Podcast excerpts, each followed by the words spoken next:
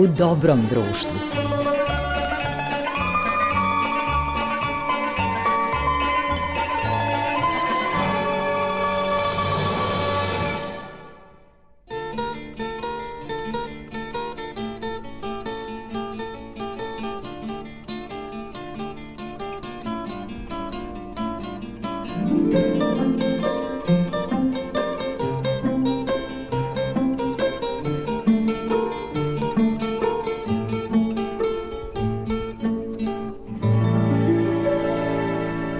Poštovani slušalci, dobrodošli u emisiju U dobrom društvu, prvog programa radija, radiotelevizije Vojvodine. Vaš domaćin Goran Vukčević, a ovu emisiju tonski uobličava Marica Jung. Dakle, uobičajeni tandem i naravno jedino gost je novo lice u ovom studiju, u stvari ne vidite lice, pošto je ovo radio, ali imam čast da vam ovoga puta predstavim prvaka opere Srpskog narodnog pozorišta, i aktuelnog direktora opere, gospodina Željka Andrića. Velika mi je čast. Željko, dobrodošao. Bolje te našao, dragi Gorane. Čast je moja. Jako mi je drago da prisustujem u tvojoj emisiji napokon. da, ovo mi nije originalna delatnost, ja sam reditelj. Drago mi je, u ovoj emisiji su najviše i najčešće bili glumci i bardovi i legende. Mnogi su se i preselili u legendu, a posle njih reditelji, sportisti, ali imali smo i nekoliko ljudi koji su vrstni u svojoj operskoj umetnosti. Bila je divna dama Agota Kovač Vitka i tvoj stari kolega Branislav Jatić i takođe stari kolega Oliver Njego i evo ponovo imam čast da pomognem da operu približimo širokom auditorijumu i svekolikim slušalcima ove emisije glavni koncept je da, da napravimo jednu zanimljivu i pitku emisiju koja će moći i više puta da se rado sluša.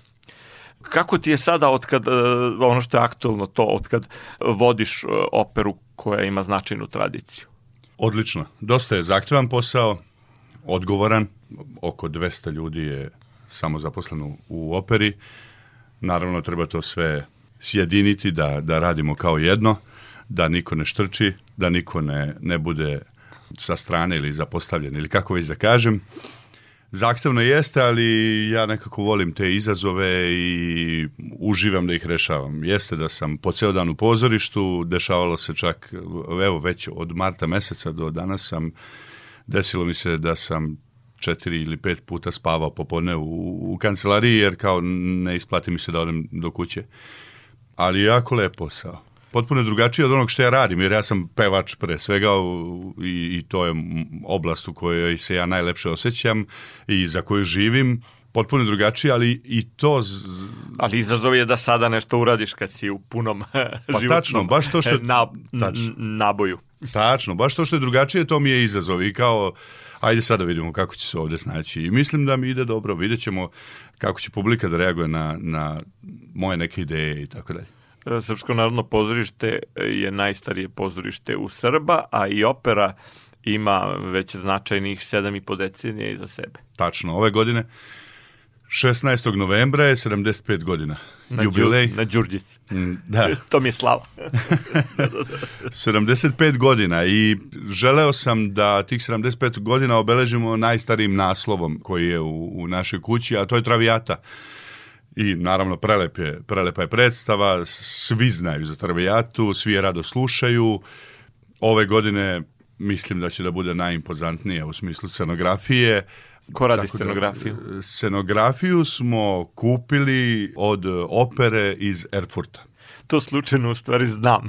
da. sad sam se setio. I to je, to je jako lepa posao. saradnja, da, Tačno. i to, to je ono prvo što si uradio, a mislim da će biti vrlo efektno i vrlo značajno. Pa volio bih da se pohvalim evo, za, za ta tri meseca, ako želimo tako da računamo sad, kao što ću ja da kažem, ja sam dogovorio sa operom uh, u, iz Erfurta i teatrom iz Ninberga četiri predstave da preuzmemo mi. To su četiri naslova sad, ajde i da kažem, znači Demon od Rubenštajna je već stigao u Novi Sad, tu predstavu smo dobili na poklon a vrednost te predstave je oko milion eura. Tako da to je jedna velika stvar koju sam učinio i, i, izuzetno sam ponosan na to. Znači, već je u Novom Sadu scenografija, kostimi, rekvizita, sve je tu. Danas su kamioni u Erfurtu natovareni sa dva naslova, to su Traviata i Luisa Miller, s tim da ćemo Luizu Miller, u, u scenografiji Luize Miller da odigramo drugu predstavu, ja sam već dogovorio sa režiserom da izvedemo Don Giovanni u toj scenografiji. Tako da eto i ta dva naslova smo praktično dobili i treći će da bude Leteći holandjanin, mislim da ćemo to u januaru da preteramo, da transportujemo za Novi Sad. Ta predstava Leteći holandjanin je najveća predstava koju smo ikad imali na našoj sceni. Dakle, u velikom broju predstava naših koje su trenutno na repertoaru možemo da ih transportujemo jednim velikim kamionom, šleperom. Travijata je velika tri šlepera. Demon je veliki tri šlepera. A leteći holandjanin šest. Znači, A ćemo imati mi to gde da držimo.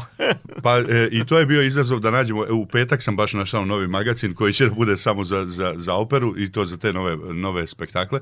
Ali hoću da kažem, mislim da, da sam, pošto malo sad se bavimo i nekim financijama, kao sad to odjednom mi se desilo u životu, kao sad management i, i nešto brinemo o, o financijama i tako dalje, ali evo za tri meseca ja mislim da sam uspeo da ajde da kažem da uštedim ili da pridobijemo korist u vrednosti od preko milion eura za operu Srpskog narodnog pozorišta. To je sjajno. Sjajno je da pored neospornog umetničkog dara imaš i ovaj menadžerski, nemamo svi tako, tako da raskošni, raskošnu ponudu svojih darova. da, pa mene je otac moj naučio, uh, kad je u pitanju, pošto naravno da sam ja tamo pregovarao o cenama, mislim, bile su to cene koje nisu uopšte meni bile shvatljive, jesu bile shvatljive, ali ali jednostavno nisam htio ni da ulazim u, u razgovor u tom smeru. I na kraju sam se setio mog oca koji mi je rekao, kaže, kad, kad govoriš o ceni, kad nešto kupuješ, dok te nije sramota, nisi ni počeo da pregovaraš. Aha. I ja sam se time vodio i tako da uspeli smo, mogu da vam otkrijem, na primjer, tri predstave koje su u vrednosti te koje dolazi iz Erfurta. Te tri predstave, na njima smo uštedeli negde oko 300.000 eura Koji je interes onih koji poklanjaju, mislim je? to... o, oni, pa nisu oni poklonili, platili smo mi, ali hoću da kažem poklon. Znači ovako, krenula je priča sledeća, ne znam, cena je 15.000 eura po predstavi. I ja sam rekao, u redu, možemo dođi, dobijemo tri za 15.000 eura. I oni su rekli, može. I toliko je trajalo cenkanje. Pa dobro. A jedna travijata nas bi koštala sigurno oko 200.000 eura u toj scenografiji, pošto jako, opera je jako skupa i to, e, to treba svi da znamo. I naravno da nije uopšte profitabilna.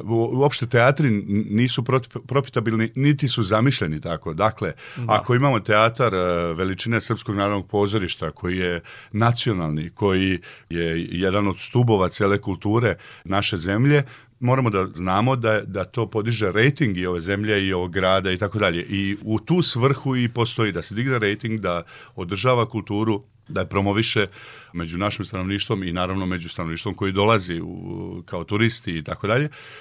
I u skladu s tim moramo da znamo da to nešto košta. Mislim, jednu operu ne izvode četiri pevača soliste, nego 70 ljudi u horu, 76 ljudi u orkestru, iza scene još sigurno 70 ljudi, obično nam igraju i baletski igrači, u svakoj predstavi pa je tu još 15 ljudi i tako dalje i tako dalje. Pa to, to treba sve... transportovati pa vratiti nazad, tako Jest. da kad bi, da neko odsluša predstavu, može da zna eto da je, da je ozbiljna jedna mašinerija iza jedne predstave. Tačno, ali koji i malo zavirio u operu zna da je to praznik i za uši i za oči. Tačno. I možemo da budemo ponosni kvalitetom naših, naših izvedbi. Zaista su na visokom nivou, ja ja pevam naravno dosta u inostranstvu i tako dalje i ne vidim razliku između naše opere i, i teatara koji su u Rusiji i u Evropi mislim i na istoku i na zapadu. Ne vidim razliku, naravno najvažniji su ansambli koji su stalni, mi solisti se menjamo i tako dalje, ali ako uzmemo orkestar i hor, mi smo na ozbiljno visokom nivou, ozbiljno visokom nivou, jedni od boljih u, u Evropi.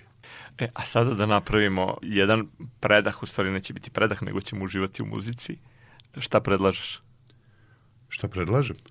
Pa recimo, omiljeni mi je Rigoletto, To mi je omiljena predstava. A koju ariju da čujemo? E, Kortiđani.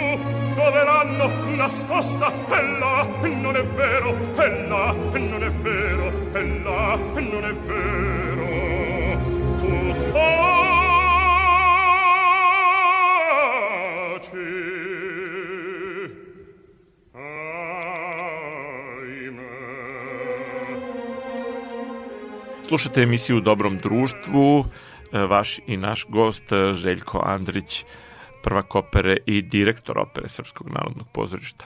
Željko, oni koji se ne bave operskom umetnošću, koji nisu eto u poziciji kakva je recimo tvoja, ne govorimo sada i ovim, govorili smo o menadžerskim obavezama, ali ostati kvalitetan pevač, pretpostavljam da to uh, je, zahteva disciplinu i poslušanje kao recimo kod vrhunskog sportiste.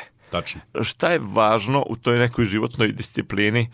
tu ne može mnogo da se da se ide da se boje miše da se banči da se ovaj kako da kažem slobodno da se opuštenije prema sopstvenom zdravlju i kondiciji nego mora da se čovjek disciplinuje da bi ostvario kvalitet kad god nastupa Gledaj, više segmenata ima ko, kojim treba voditi računa. Prvi i najteži jeste da otkriješ prvo da li si za to ili nisi za to nakon toga sledi jedan ozbiljan rad. Znači, talenat, bez njega se ne može, ja sam to već pričao više puta, talenat je jedan ili dva posto cele te priče, ovo ostalo je rad, 98% je rad i na to sve i dalje treba još 100% sreće da bi uopšte nastupao u tome za šta si se zalagao, ne znam, desetak ili petnaestak godina, pošto ne može pre toga po mom shvatanju da se kvalitetno peva. E, a onda sledeća etapa jeste kako to održati. Jer mi se svi menjamo e, godinama. E, organi nam se menjaju, mišići, e, ligamenti. Jednostavno, mentalno se menjamo i jako je teško održati visok kvalitet. Mnogo primera u istoriji ima koji pokazuju kako su pevači sijali pet godina i nakon toga ih nema jer jednostavno dovoljno je jednom na predstavi da preforsiramo, samo na jednoj predstavi, da pre, ozbiljno preforsiramo i da više ne pevamo. Tako da... Da glas ode. Da, gla, da jednostavno nema uopšte više mogućnosti da, da se vrati. Mi moramo pre svega da budemo mentalno stabilni, da bi mogli da izdržimo te pritiske. Jer e, ni na jednoj predstavi mi, mi apsolutno ne znamo na početku predstave kakav, kako će da bude na kraju. Nema, nemamo uopšte ideju šta sve može da se desi, jer ne zavisi sve od nas samih. Zavisi od mnogo situacija na samoj sceni, od kolega kako pevaju. Sve može da vas pomeri. I ako mentalno nismo stabilni, ta pomeranja mogu da nas koštaju dosta. E sad, da bi mentalno bili stabilni, naravno moramo da radimo konstantno i, i e, disciplinovano i, i da jednostavno šta god da se dešava na sceni, da neka ta memorija koju ne kontrolišemo, da ona jednostavno odradi svoj, svoj posao. Kao kod pijanist. Pijanista, ako vežba dovoljno dugo, on na kraju ima tu memoriju u, u mehanike, ne, više, znači desi mu se moment da odluta u mislima, ali mehanika, ta e, memorija u samim prstima nastavi svoje i, i on dok, dok dođe sebi već, već je odsvirao taj deo bez, besprekorno i tako dalje. Druga stvar, stresovi sa dirigentima, sa orkestrom, koji može da, da pomeri neku priču u odnosu na probu ili na prethodnu predstavu, tu takođe treba budemo stabilni da glas ostane, jer mi pevamo do krajnjih granica svoje fizionomije uopšte, svog, svog tela. I Da, to mora se uskladiti sa celom dramaturgijom, sa pričom, I sa emocijom. I plus dramaturgija, jeste.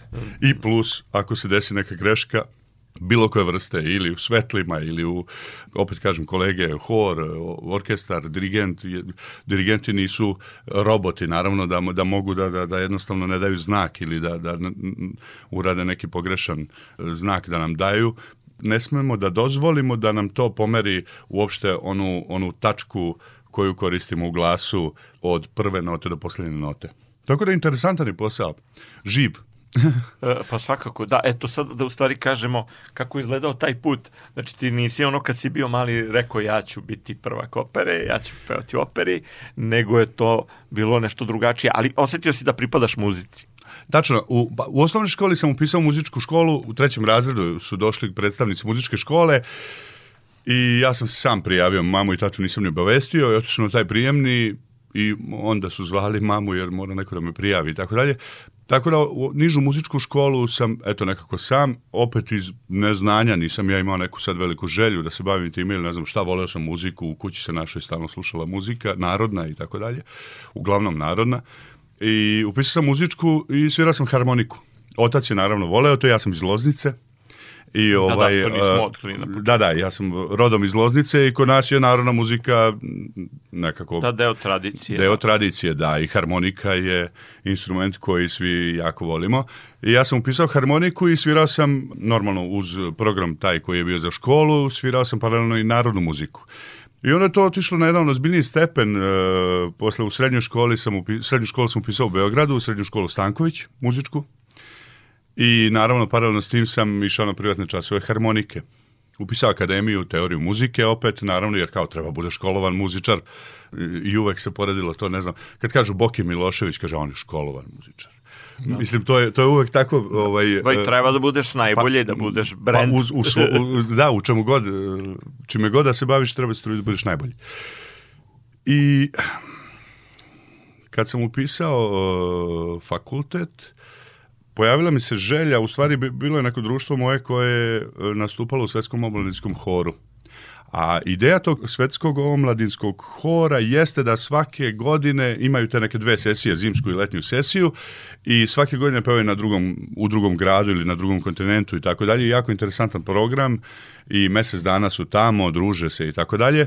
I ja sam se raspitao šta mi treba za prijemni ispit, trebalo mi naučim ariju ili lead i trebalo mi je da imam neko čitanje s lista i tako dalje. I ja kao, ok, sad ću ja to naučim i odem u muzičku školu Isidor Bajić i pitam portira gde je ovde solo pevanje, kaže on soba broj 6. I ja odem u sobu broj 6, dobar dan, dobar dan, ja bih da naučim da pevam, treba da naučim ariju, da pevam ili lead, da bi položio prijemni u svetskom omladinskom horu. I naravno ja tad nisam znao ni ko je Milica Stojadinović i tako dalje, a Milica je bila tu. I kaže Milica meni, kaže, o, a za kad ti to treba? ja kažem, pa za desetak dana će biti to kao taj prijemni, treba pošaljem materijal i tako dalje. Ona kaže, pa da, za desetak godina, pa kao i ok, ali desetak dana kao nema šanse. I ja naravno ovan ovaj, u horoskopu i to koristim maksimalno. Kažem njoj, možete vi mene da da naučite i da ja to položim i tako dalje i da skratim priču. Upišem solo pevanje u srednjoj muzičkoj školi i jako sam na fakultetu o, na Akademiju umetnosti kod nas na teoriju muzike, upišem to, upišem solo pevanje i imao prvi javni čas, moje društvo došlo, svi se zezali, super im bilo, ja kao pevam tu na sceni nešto, e, meni osjećaj je bio neki predivan, ma nije bio predivan, ja sam se potpuno izgubio na tom prvom javnom času, znači više nego predivan. Ali osjećaj. shvatio si da je to to, to što ja, želiš. Da, apsolutno da, da. više nisam pipnuo harmoniku koju sam ozbiljno svirao. I A sad bi mogao da zasviraš, mislim. Pa mogao bi da zasviram i možda za potrebe jedno kolce, filma, recimo. Jedno kolce za potrebe filma bi mogao, da. Uh, pa ne, treba mi neko vreme da se vratim, nisam svirao harmoniku 15 godina sigurno i više. I onda sam sad kao neću ja u srednju školu, hoću ja kod profesorice Vere Kovač-Vitka i na akademiju, pa da paralelno završim i teoriju i solo pevanje. I da sad ne dužim e, tu priču oko profesorice, ona je naravno želela, rekla mi je da bi volela da me primi u svoju klasu i tako dalje i došla mi na javni čas sledeći, na kom ja nisam naučio ni ariju, ni, ni solo pesmu. U obe numere sam grešio tekst i zaustavljao na sred tog nastupa i smejalo se moje društvo. Meni to bilo sve šala, kao, sve jedno mi je bilo šta će se desiti. Da, da. Potpuno opušteno. I još na sceni, kao zezam se, okrenem se prema, prema pijanistkinji i kažem, "E, ko je sad pogrešio, ti ili ja? Kao ne znamo, sajmo još jednom. I profesorica Vera kaže meni, jel možete vi dušu moja, ima za vas vremena, još vi vežbajte, kao pa ću ja vas primiti. U stvari, ne moram vas ja primiti, eto, bit će, Se malo ozbilji. ma mislim se ja šta ne mogu, šta neće primiti, pa kako to moguće sad ću. A ne znam ja pritom ni Veru Kovačević, ja ne znam nikoga. I sad naravno kad ne znaš, onda nemaš ni strah, nemaš ni, ni tu neku, mislim, Vera je veličina jedna gromada umetnička ovog grada i ove države. Međutim, pošto ja ne znam ništa o tome, ja se u skladu s tim i ponašam. I kao, ma ne, ne, doći ja na prijemni i naravno mene zove Senka Nedeljković, tada bila Soldatović. Nekada zove me, kaže, Željko, nemoj molim te s profesoricom Verom, pa nemoj da se zameri, pa tako dalje, tako dalje. I kaže, šta da mi se zameri, idem, sad ću da vežbam, izađem na prijemni, položim, šta ima se zamera. Umesto, valjda će da me voli više nego što bi mi... Pa ne, ako ti rekla da ne izlaziš, ma reko, to se ona šalila. I ovaj, elem, Kako položim... samouvereni. Da, da, da. Položim prijemni i tako upišem akademiju i onda sam prvi put otišao u pozorište u prvoj godini fakulteta kad sam već upisao solo pevanje, kao odem u pozorište da vidim kako to izgleda.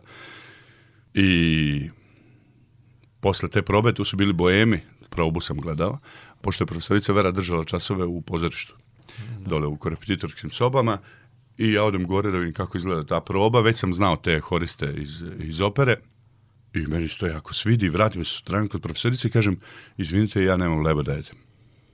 Ili ćete me zaposliti u hor, ili ja idem u Loznicu. A to nije bila istina. To nije, bila, iz- to nije bilo ni blizu. Ja sam finansijski super stajao. I ona kao, ne, ne, vi ste solista, kakav hor, evo vam novci, ona je uvek gledala da mi pomogne, uvek kao vadi mi neku hiljadu, dve dinara, ja kažem, pa šta ću ja s tim da radim, ja to ne, ja ne mogu preživeti, meni treba mesečno, ja moram da radim. I ona organizuje audiciju, tada je bio Berislav Skenderović direktor, organizuje audiciju, naravno ja odem, otpevam jednu, dve arije, ne sjećam se više, i kaže Skenderović, dobro, dragi, možeš ti da dođeš u hor, kao da volontiraš par meseci, pa ćemo videti, ja kažem, ma molim vas, ali ti si za solistu, kaže on, kakav hor, kao, takav glas nama treba i tako dalje, mislim, ja to ništa ne verujem, niti se razumem u to uopšte. Elem, uđem ja u hor i četiri godine sam bio, mislim, u horu, tako nešto, ne mogu da se setim.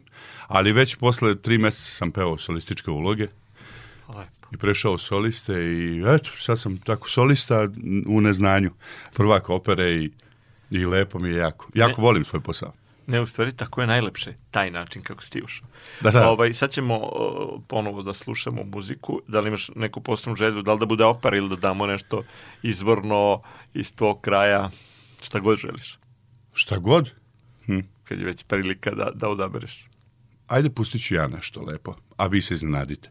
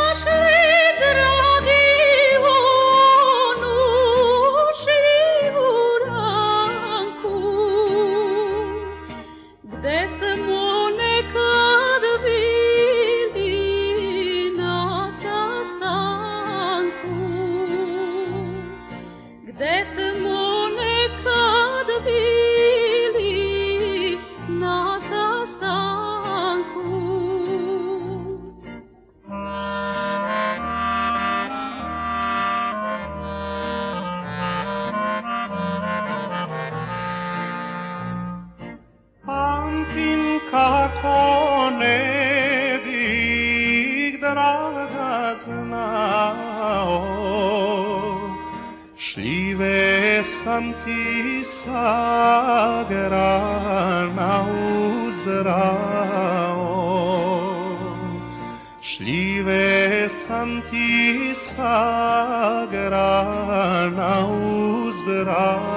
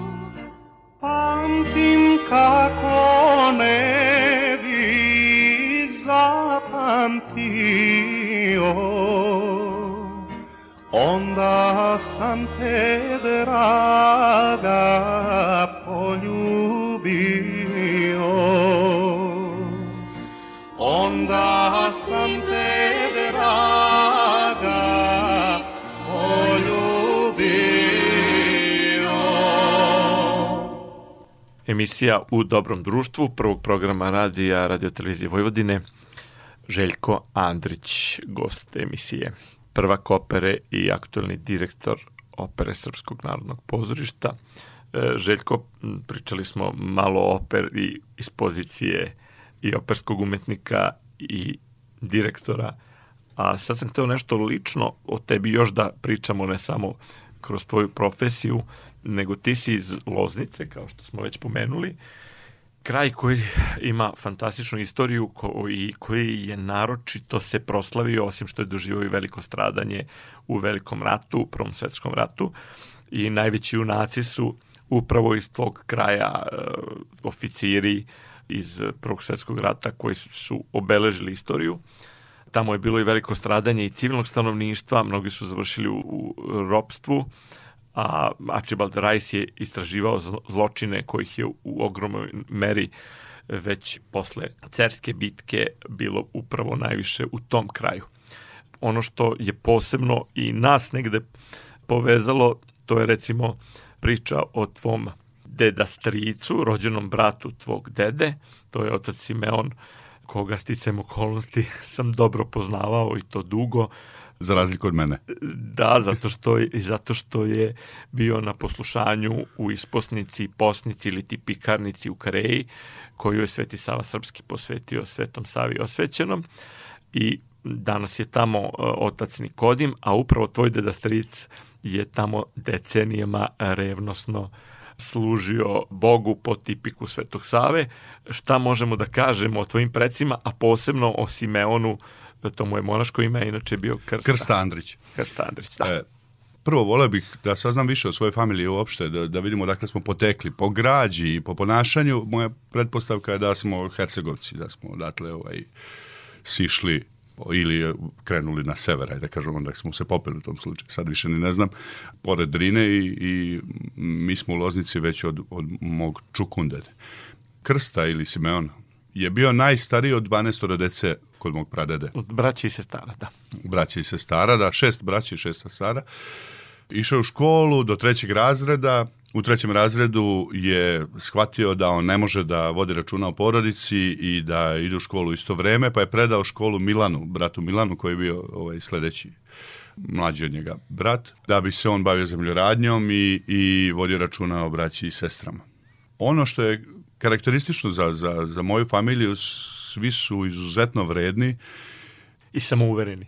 Samouvereni jesmo, da, to je isto, ali to je, to je tipično za Loznicu. Znači, to nema veze sad s mojom familijom, jer jednostavno, možda i zbog te istorije, mi smo prvi, kad krene neki problem, mi smo prvi tu da, da, da probamo da ga rešimo ili izlazimo na front, u odnosu na celu grupu, tu smo prvi, pa da nekako probamo ili da rešimo, da rešimo uglavnom milom, ali svejedno, kako Jeste, god. to, primetio sam to, poznajem dosta tvojih zemljaka, da, da, da. Da, da, da, ne, nemamo, nemamo taj problem i moguće da zbog te istorije jednostavno to nam se urezalo u, u, u karakter i, i drago mi je zbog toga. Ali smo poznati kao graditelji u mojoj familiji svi od mojih deda su, su bili neki, kažem, graditelji, gradili su ceo život. Neymari. Neymari, da. I ovaj, naravno imali smo i dosta zemlje i tako dalje. Onda su, kada već 56. i 40. i ne znam koje godine su oduzimali ono zemlju. A ono sahranjivanje na, na posedu, jel toga je bilo, jel tako isto? Da ne bi prodali potomci. E, ne. To ne. Ne, ne, ne. Mi, mi, oni su sahranjeni na groblju tom Da, da. stupničkom, jer, jer mi smo iz Stupnice, selo je jedno pored Loznice, preci moji. A deda Krsta, on je 44. ja mislim godine prijavio se u tu vojsku kao dobrovoljac u, U drugom svetskom ratu. u drugom svetskom ratu, da, kod e, Nedića, ali tako? To je bila u stvari regularna vojska. Regularnu vojsku, da, da, Da. da, tu se prijavio. Bio je tamo zapažen i znam da je, da je pokušavao da pregovara, jer Nedić je tada, koliko se ja sećam, koliko znam, a ne znam mnogo, on je bio protivnik rata uopšte i tog sukoba sa Nemcima. On je jednostavno želeo da, da izgladi te odnose i da proba da vrati Uz što situaciju. manje žrtve, a inače Jeste. je bio na poziciji, organizovao je vozni park tokom Prvog svjetskog rata i tokom povlačenja. I, imali su ideju da jednostavno da se to završi, jer on nije poštovao to bo- bolje rat nego pakt, bolje To je ovaj britanski, ovaj, grob nego rob, on, on to da, da, da. apsolutno nije, nije se slagao s tim, nego je gledao šta je najbolje za naš narod. E, da opstane, pošto nismo... Šta god da se desi na ovom svetu, samo mi ginemo, ovo više nema smisla. I, Da, i, istorija mučeništva i stradanja. Jeste, i stalno smo nešto, u, nađemo se u problemu i kao sve, ma nije slučajno, za, moramo nešto promeniti u sebi da bi prestali da, da trpimo U neke stvari naš posledice. karakter zgodno koriste e, strane službe. Pa da, da. Tako da, ma dobro, oni koriste Sve. sve. I da. vrlini i mane, da. Jest. I znam da je deda probao da, da, da napravi tu neku promenu, znam da je otišao i u Englesku čak, međutim nije, nije ni, ništa promenio, tad su ga partizani nešto, on se predstavlja kao Rus, E, znam da, da je tako se ovaj, e, predstavljao da ne bi nastradao od strane partizana u to vreme. I onda je otišao u Englesku, tamo je radio, gradio, tu je bilo jedno društvo, pa su zajedno kupili kuću, pa su posle toga još jednu napravili u sklopu neke crkve i tako dalje. I po mojim saznanjima Nikolaj Velimirović ga je zapazio, pošto je deda bio pobožan, mi, a mi nismo bili, niko Danas u familiji nije bio, vladika Žički, da. da, niko, niko e, od naših nije bio komunista i svi koreni su bili vernici. I on ga je odveo na Hilandar. I od tada... Vladika Nikolaj. Vladika Nikolaj, da. I od tada je deda na Hilandaru. Jednom je samo bio e, nešto bolestan i došao je u Banju Koviljaču, tad sam ja već bio u srednjoj školi, u Banju Koviljaču i spavao je u kući mog oca, u mojoj sobi. I A tu sam ga upoznao. mali, ja sam bio pretpostavljam. srednja škola, na primjer prva godina, druga srednje škole i vidio sam ga kratko, možda dva dana sam ja tu bio preko vikenda ili tako nešto i zapamtio sam ga dobro, lice mu je bilo od Andrića lice, tačno sam sve crte i nos i oči i tako dalje, jer mi svi imamo plave oči. U familiji... Da, kad te gledam sad sve vreme me podsjećaš na njega, imali smo mnogo susreta. Da, da, mi, imam ja i, i fotografiju jednu koju sam, otac moj kad je vidio na Facebooku, pop čire, pop sam ja e, bio vladika Temišvarski. Da. Tu ulogu sam Gledao sam pevao premijeru, i, da, da. i apsolutno je bilo, bilo je dosta sličnosti. Tako da mi taj gen je takav da dosta svi ličimo. I tu sam ga upoznao i njegov karakter mi se svideo izuzetno. S njim e, sam mogao da pričam beskonačno mnogo. Čini mi se i dosta se toga razumeo. Ja sam mislio on došao sa Hilandara, sad on nema pojma, sad ću ja njemu da ispričam tu šta se to dešava u svetu i tako dalje. Međutim, ma kako on me naučio dosta toga. Znao je više jezika, e, engleski znao perfektno, znao je francuski, nemački i ruski. Sećam ga se kao veoma dobronamernog. Ja prvi put kad sam otišao na Svetu Goru 90. došli smo u Kareju zato što se tada moralo, morali su se tamo podizati dozvola, uzmu ti pasoš, a tamo ti ga vrate dok sačekaš Diamontirio, tu svetogorsku vizu. I e, rekli su nam da možemo da idemo u isposnicu i gore je bio i konak, međutim niti je bio tu otac Simeon, niti je bio tu otac Mojsije, kasnije iguman u Hilandaru, negde su bili odsutni padala je kiša, nevreme, otišli smo u Iveron i tek posle, posle tri godine u stvari, 93. godine kad sam došao četvrti put na Svetu Goru, tada sam ga upoznao, ali vrlo je isto to zanimljivo, zato što sam išao iz Ivirona i išao sam stazom sa još nekom trojicom bogoslova iz Prizrena i zanimljivo je da je monah neki najuščao ispred nas i ponudio nam da upoznamo starca kog neguje u, u jednoj keliji i taj starac e, je pitao gde smo se uputili, on je bio praktično umirući jedan starac od 90 godina, rekli smo da krećemo u Kareju on je rekao svratite obavezno kod Simeona, ja ga nisam video godinama, ali ponesite mu ulja. I onda sam ja nosio tih 5 litara ulja dva sata uzbrdo i pomislio sam što smo uopšte svratili, sad mi je samo uz moj ranac i to uvaljeno, međutim već je pao mrak bio kad smo stigli kod Simeona i otac Simeon je otvorio i rekao, deco, gasi mi se kandila, nestalo mi ulja. što znači ovaj je bio prozorljiv i ovaj, to zaboravio sam to ranije da ti ispričam, Divno. pa sam se sada setio i ovaj, imali smo još nekoliko susreta, uvek je bio nekako umiljat, dobronameran, tih i uvek dobro raspoložen, e, dakle nikad nisam e, se osetio e, neprijatno i na smetnji u njegovom društvu, a vršio je to teško poslušanje, kako je Sveti Sava propisao. Ja sam pročitao u onoj knjizi Hilandar moj dom, to je Hilandar oca moj. Jovana koji je doživio Jeste. 105 godina. I to isto ima par stvari koje su karakteristične za nas uopšte kao familiji. Vidim da je i, i koliko god on daleko bio, jednostavno isto se ponašao, isti je kod. Da, genetski. E, e, da. Ima jedna od, od e, interesantnih situacija jeste kada je taj njegov prijatelj koji je pisao tu knjigu došao je do njega i video ga je kako on neku zmiju na podu pokriva ne, nekim lišćem i nešto malo peskom i ovo ono i ovaj mu kaže u bitu nema šta radiš, to je si normalno, a mlada zmija neka manja je bila. A greh je ubiti zmiju. Da. Kaže, zamisli, kad poraste, šta će nam ovdje napraviti? Napravit će nam haos i tako dalje. A on, a on gleda u njega i kaže, pa ovo je živo biće, kako ja mogu da ga ubim? Ja, ja nisam uopšte učestvovao ni da ga stvorim. A kako... I to je kod nas, na primjer, mi nemamo to, ne možemo ne možemo jednostavno da, da, da mm, čak ni, ni ne znam da neko u familiji stoku nešto kolje i tako dalje, to jednostavno ne radimo. Uvek se nešto plati, neko tu drugi to radi i tako dalje. A druga stvar koju sam kod njega video jeste da je bio izuzetan domaćin. Kad neko dođe, da je on uvek davao sve što ima.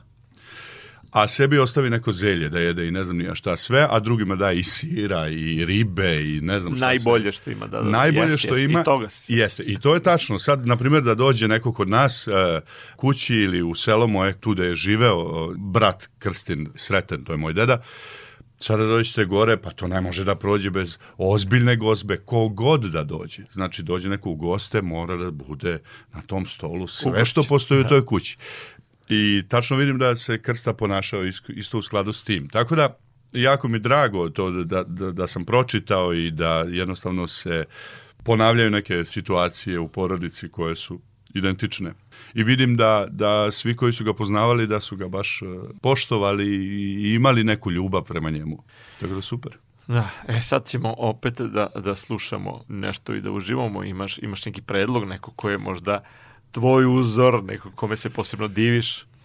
Pa ima od baritona više nekih e, pevača koje volim trenutno e, od, od ajde da kažemo od živih e, dramskih baritona jer jako, jako malo dramskih baritona ima prirodnih dramskih baritona. Meni je omiljeni Carlos Alvarez ili Carlos Alvarez, zavisi. E pa sad nešto ćemo od njega u principu bilo šta da pustimo, to je izvanredno jer taj glas treba čuti tu boju tu boju, jer je boja nešto što određuje vrstu glasa. U principu bas bariton, bariton i dramski bariton i bas čak imaju tu negde sličan opseg glasa, samo je u boji razlika i, i to je nešto što nas izdvaja, razlikuje jedne od drugih.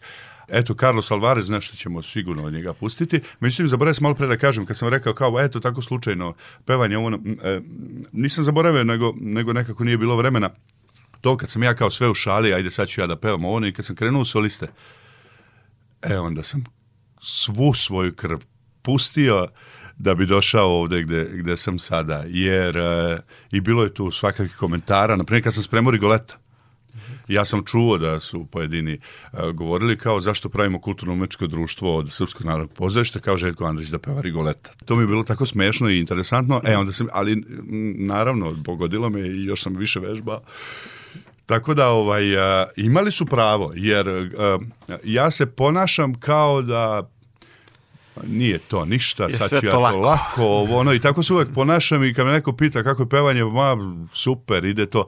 Međutim, ljudi, to uopšte nije šala, ja, e, jednostavno se živi na taj način. Pa kad meni predstava uveče, ja dva dana pre toga već imam, e, nemam ja tremu, nego imam taj stres zbog te odgovornosti da to da to uspe, jer e, Rigoletto u Rigoletu ja ga shvatam kao jedno od najkomplikovanijih uloga koje su napisane uopšte za baritona, jer ti ako ne doživiš sam tog Rigoleta, publika može da jede semenke i to je to. Neće uopšte uživati u toj predstavi. Ali ozbiljno iscrpljuje i, Ozbiljno, i, da. i fizički Da, da, da, da. i, Da. i mentalno i, i emotivno. I vidiš koliko ja pričam. A treba ćutati dva dana pred predstavu. E, u, u, uskoro, evo, sad ćutimo, slušamo Carlosa Alvareza, a onda odjavljujemo emisiju. Tremar sul lido fra gente ostile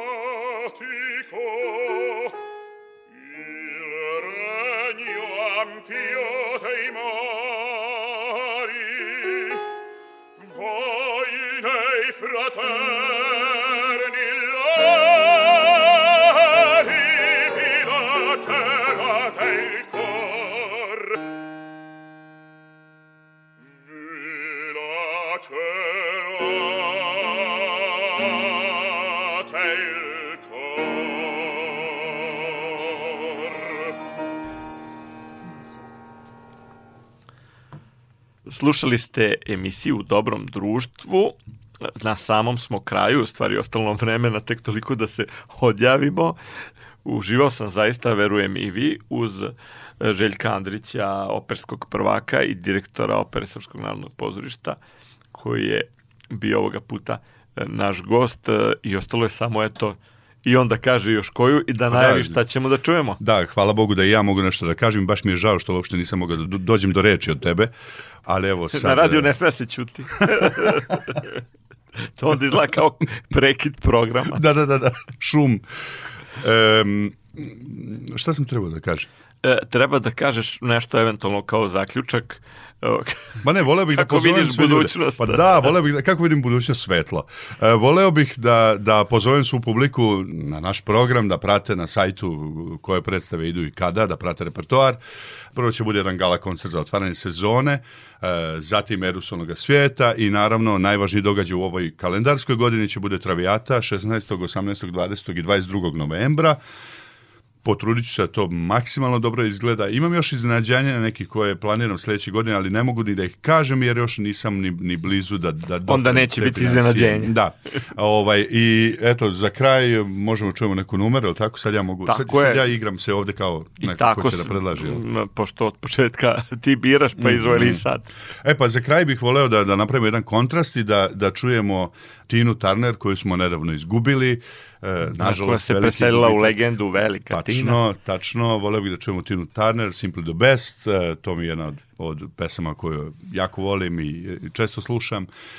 I da ti se zahvalim što si me pozvao u emisiju, e, zlatni Hvala ste, jako je lepa ste- atmosfera ovde, dobra energija. Eto, voleo bih da dođem još mnogo Jeste, puta. zato smo ovde. A ne s druge strane malog ekrana. E, u svakom slučaju, bilo mi je zaista zadovoljstvo. Željko, doći ćeš nam ponovo, a dotle se vidimo u Srpskom narodnom pozorištu. Željko Andrić e, bio je naš gost, sledeći put e, novi gost. Uz vas su bili Marica Jung i Goran Vukčević. E, Ostanite u dobrom društvu, a do tada ovu emisiju slušajte i u repriznom terminu, četvrtkom posle vesti od 16 časova ili na našem sajtu pod opcijom odloženo slušanje rtv.rs. Prijatno do slušanja.